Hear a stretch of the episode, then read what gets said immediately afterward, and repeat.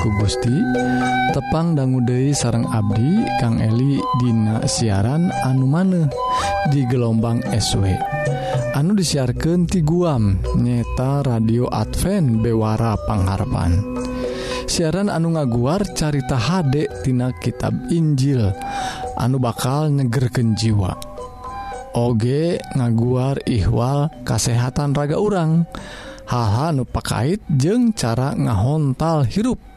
anu langgengtah parwargi upami parwargi ngaraos diberkahan Atanapi ayah patarosan. Tiasa ngontak Kasim Abdi Dina serat email.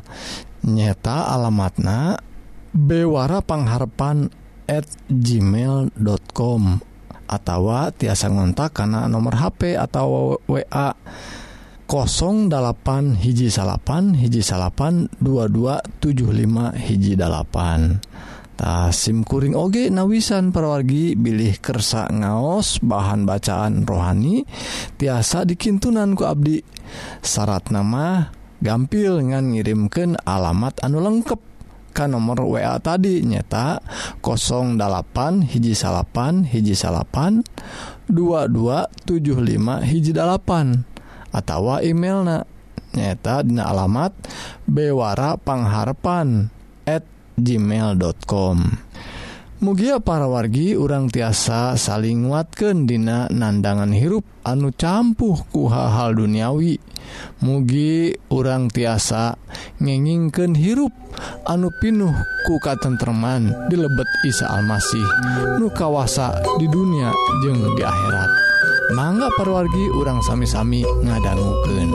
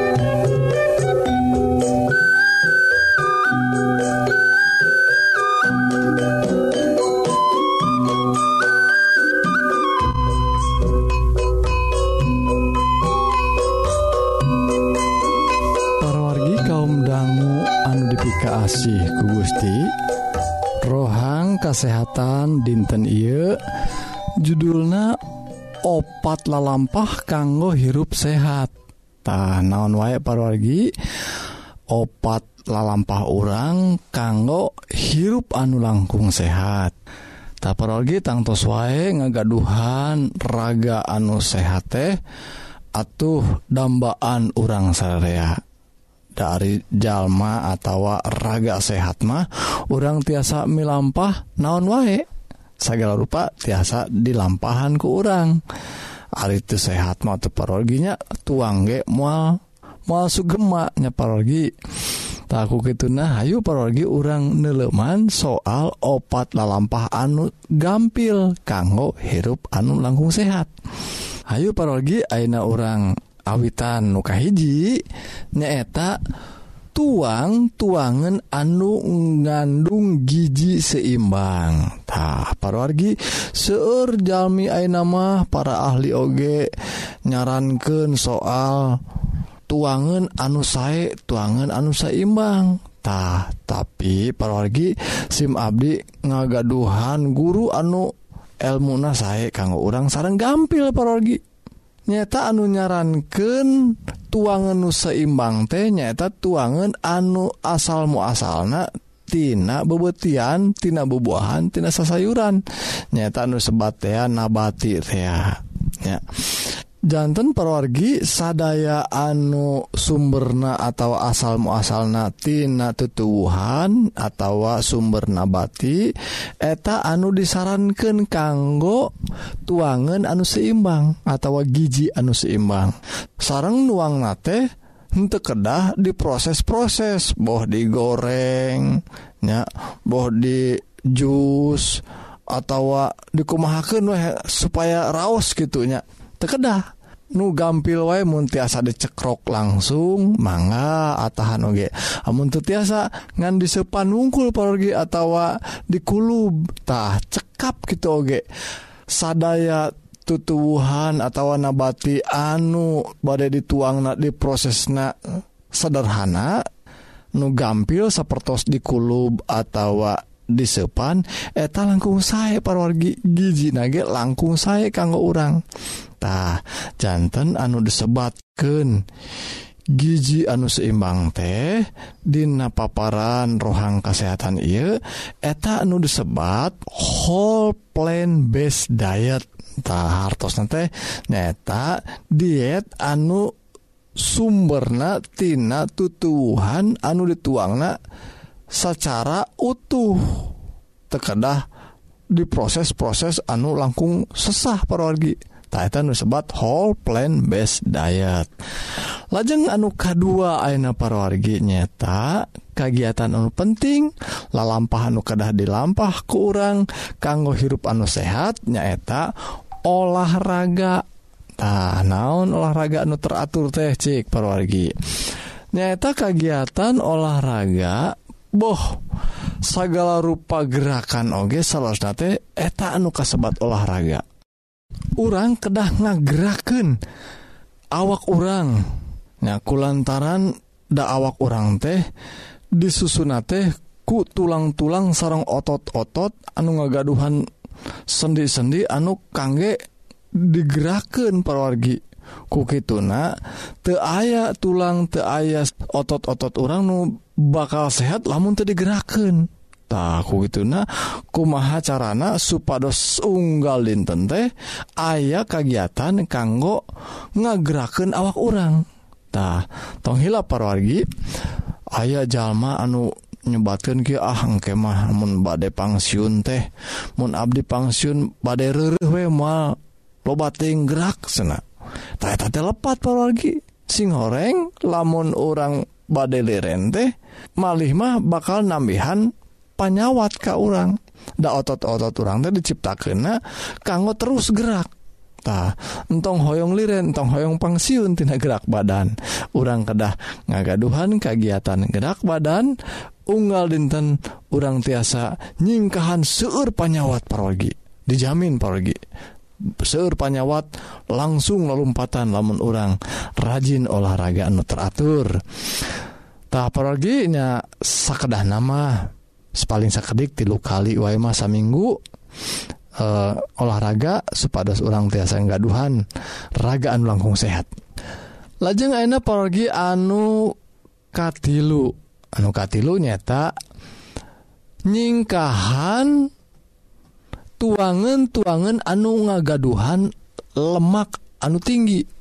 Ta ruina pergi tuangan anu ngagaduhan lemak anu seur kol eh, uh, lemak nate sok ngagaduhan lemak anu sebat kolesterol teh ah, pargitah eta teh Mineng narempel dinap Dina pembuluh pembuluh darah orang duwiken Ka pembuluh darah orang teh makin lami teh pergi makin ngaalitan nyempitan pergi tahu gitu nasok ngadadak engkena teh panyawat boh aya panyawat. Stroke tea darah tinggi tea naon panjawabna teh? Sing goreng ku lantaran tuangan tuangan anu ngagaduhan lemak anu tinggi anu seueur pisan. Tah urang kuda nyingkahan pergi kedah nyingkahan hal nu kayak Tah lajeng anu kaopat? Anu pamungkas naparogi nyaeta ngaleut cair herang anu seueur parogi. Seur nasaku mahanya sakadahna paling santena dua letter sadinten teh.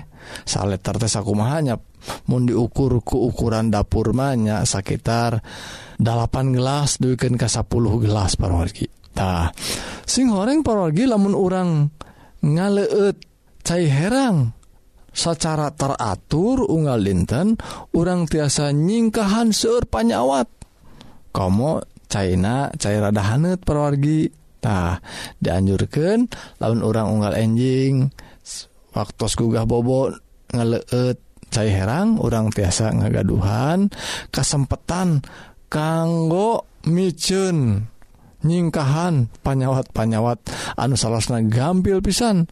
Aya Jalmi nyebatkan yen nu yen ngaleut cai herang teh sapertos ngaleut obat dewa seorang teh parogi. Tah iya mah teh sapertos dewa dewa maksudna teh tapi parogi rupina iya gampil gampil neangan anak oge parogi ya. tekedah di pilarian di peser awis-awis. Tekedah di bumbuan tekedah di bereman tekedah di entehan. Cai herang bakal nyingkahan seueur panyawat. Tah itu nah ayo parogi urang merakteken pola hirup anu sehat ku ngalampahkan opat rupa opat dalampah kanggo hirup sehat. Mugi Gusti ngaberkah amin.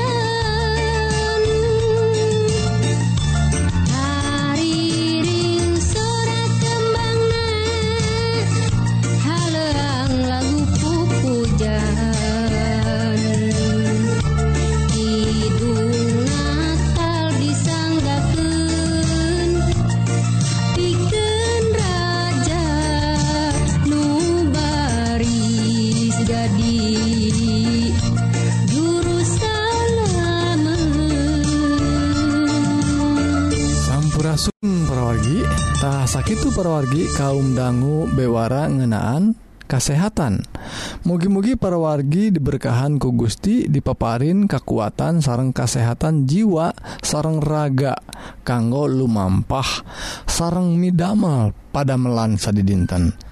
Sakali deui upami parwargi ngaraos diberkahan Atanapi ayah patarosan tiasa ngontak Ka SIM Abdi Dina serat emailnyaeta at gmail.com atau ngontak karena nomor HP atau wa 08 hiji salapan hiji salapan 2275 hiji mugia orang tiasa saling nguatkan Dina nandangan hirup anu campuh ku hal-hal duniawi. Mugia orang tiasa ngenginkan hirup anu pinuh ku katentreman di lebet Isa Almasih nu kawasa di dunia jeung akhirat. Salah jengak parwargi Hayu atuh kaum dangu orang sadaya terasken kana rohang rohani anu bade ngaguar pengajaran kanggo bawaun kahirup di akhirat nu unggel natina kitab suci Sumangga wilujeng ngadangmuken.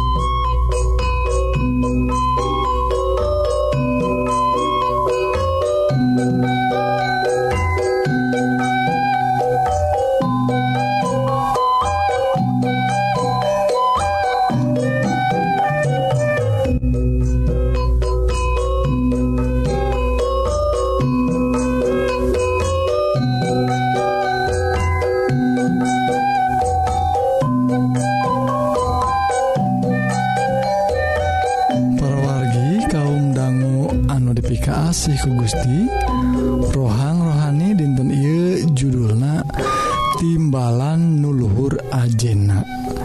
Anu diserat Dina Injil Matius pasal anu kalimat perwargi upami orang ngadangguken pengajar-pengajar guru-guru Dina agama-agama anu ayat di dunia ia pasti wae ayah hal-hal anu tiasa nyugemaken sareng mawa kana kedamaian hati nanging perwargi anu badai dicariosken kusim Abdi nyaeta pelajaran atau timbalan wejangan ti Isa Almasih ngenaan kehidupan orang sakedahna kumaha.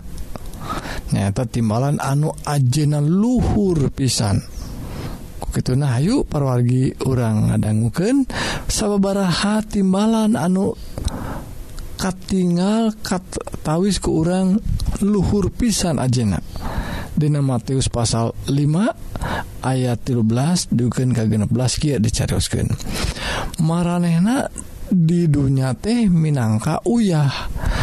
Tapi lamun uyah legit asina pamohalan bisa diasin kendai gestaya gunana Iwalti dipicen katincakan ku jelemak ayat 14 marane di dunia teh minangka caang.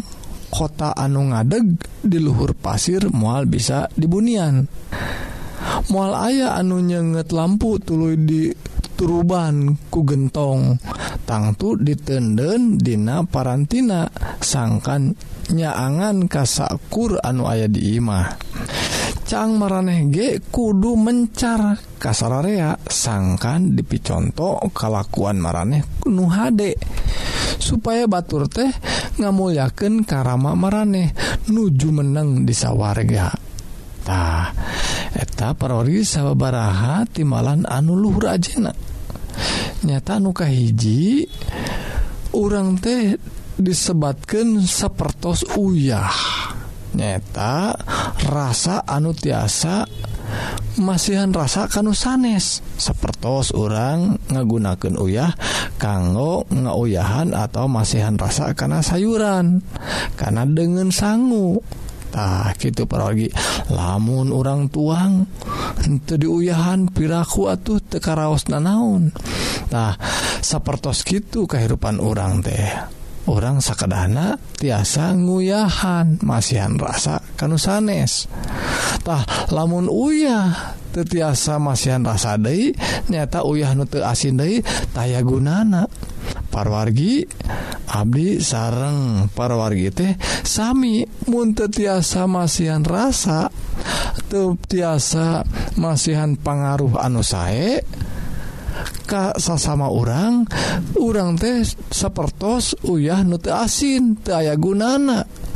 Salyan dikumahakannya tadi picen paling katincakan kubatur ogetahsa kedahna sahur Isa Almasih kehidupan orang teh marana teh sauna sapertos uyah Minangka uyah. Lajeng anu kedua perwargi nyata kehidupan orang teh sapertos caang. Ta caang. Tina naon caang teta Ari ayeuna nama panginten caang teh seueur.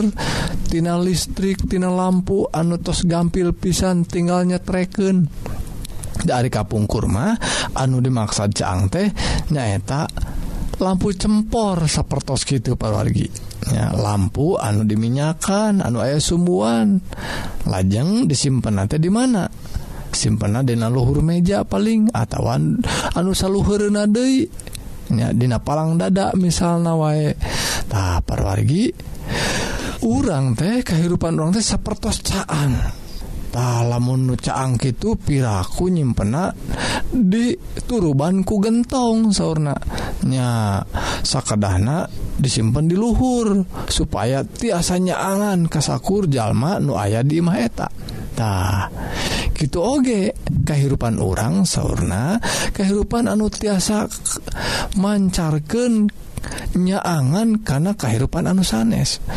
Batur teh atuh rasa hirup deket jeung urang teh caang bengras titinggalian teh. nyata ningali kehidupan orang anu sae kehidupan orang tingkah laku orang teh anu piconten kabatur taketa anu dimaksad kehidupan orang jantan caang ka Batur.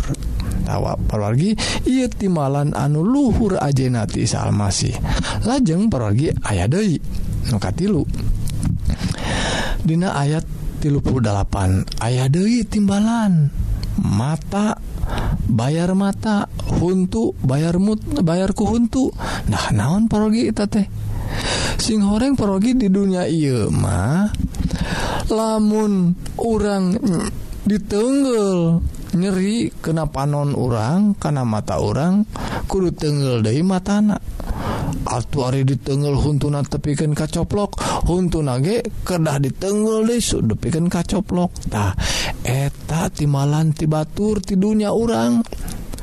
Tananging timalanti sorga mati Isa Almasih sanes gitu Tina ayat 38 disebatkan ayeuna cek kami ulah ngabales kanu jahat kamarane. Lamun ayah jalma nu nampiling pipi maneh anu katuhu ken najan najanrek nampiling Dei kanu belah kenca oge pektah maksana nanti tekedah kedah ngabales. Ay cek dunya mah nyai mata ganti mata untuk ganti huntu hartosna gitu deui dibalas teh Sami sarang orang ngalamana.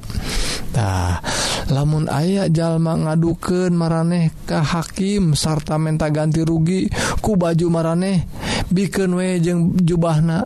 Nah maksudnya naon pralogi menta ganti rugi 100 perak bere we 200 perak gitu.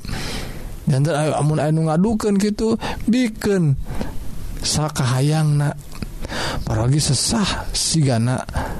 ngalampahkan sapertos ande ucapkan ku Isa Almasih teh. Tak iya timbalan nasehat anu luhur pisan ajena.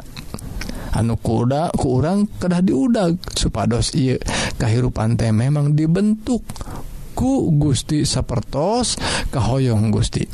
Ayat anu ke 40 hiji disaurkan ke lamun ayah jalmi ti hiji pasukan tantara maksa kumaraneh nitah Mang mawaken barangna sak kilometer. Turutkan we 2 kilometer oge. Nah itu pergi menta sak kilometer diturut kena 2 kilometer. Namun orang di digawe kudu gawe sajam dilewihan gitu naon. Nah eta timbalan anu luhur ajina teh.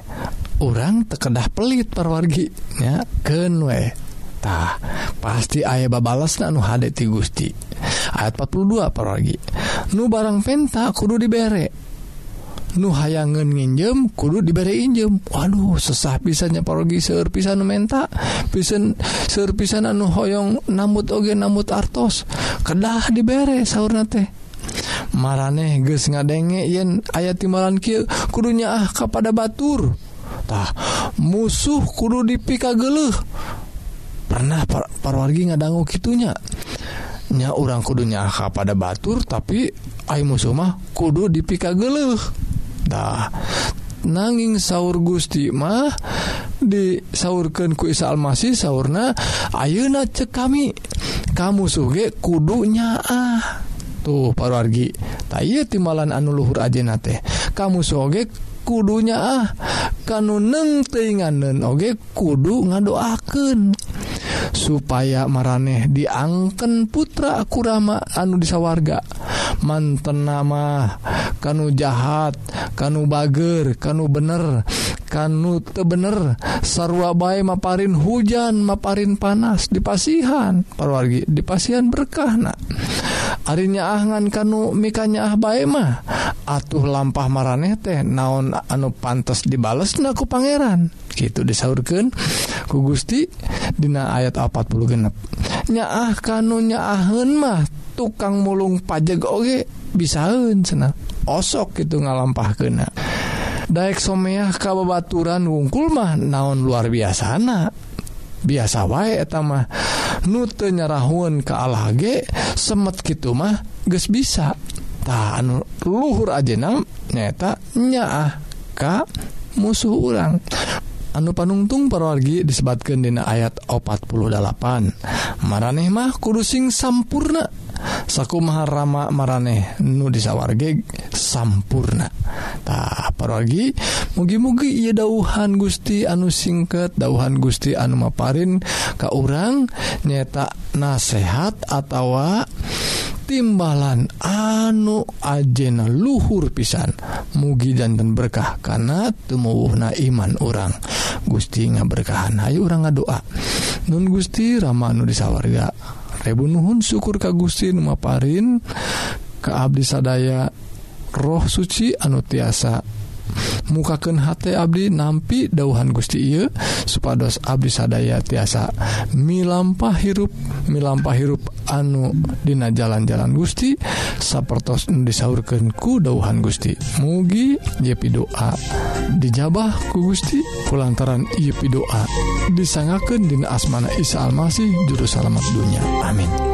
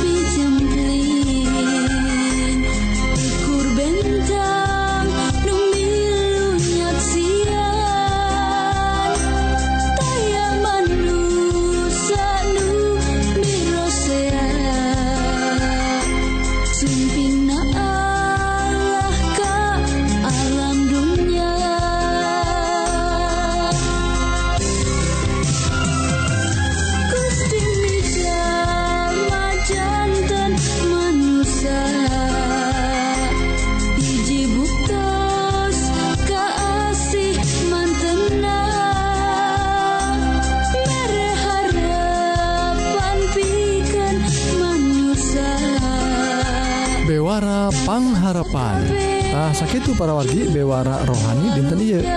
Mugi-mugi para wargi sadaya ngaraos diberkahan.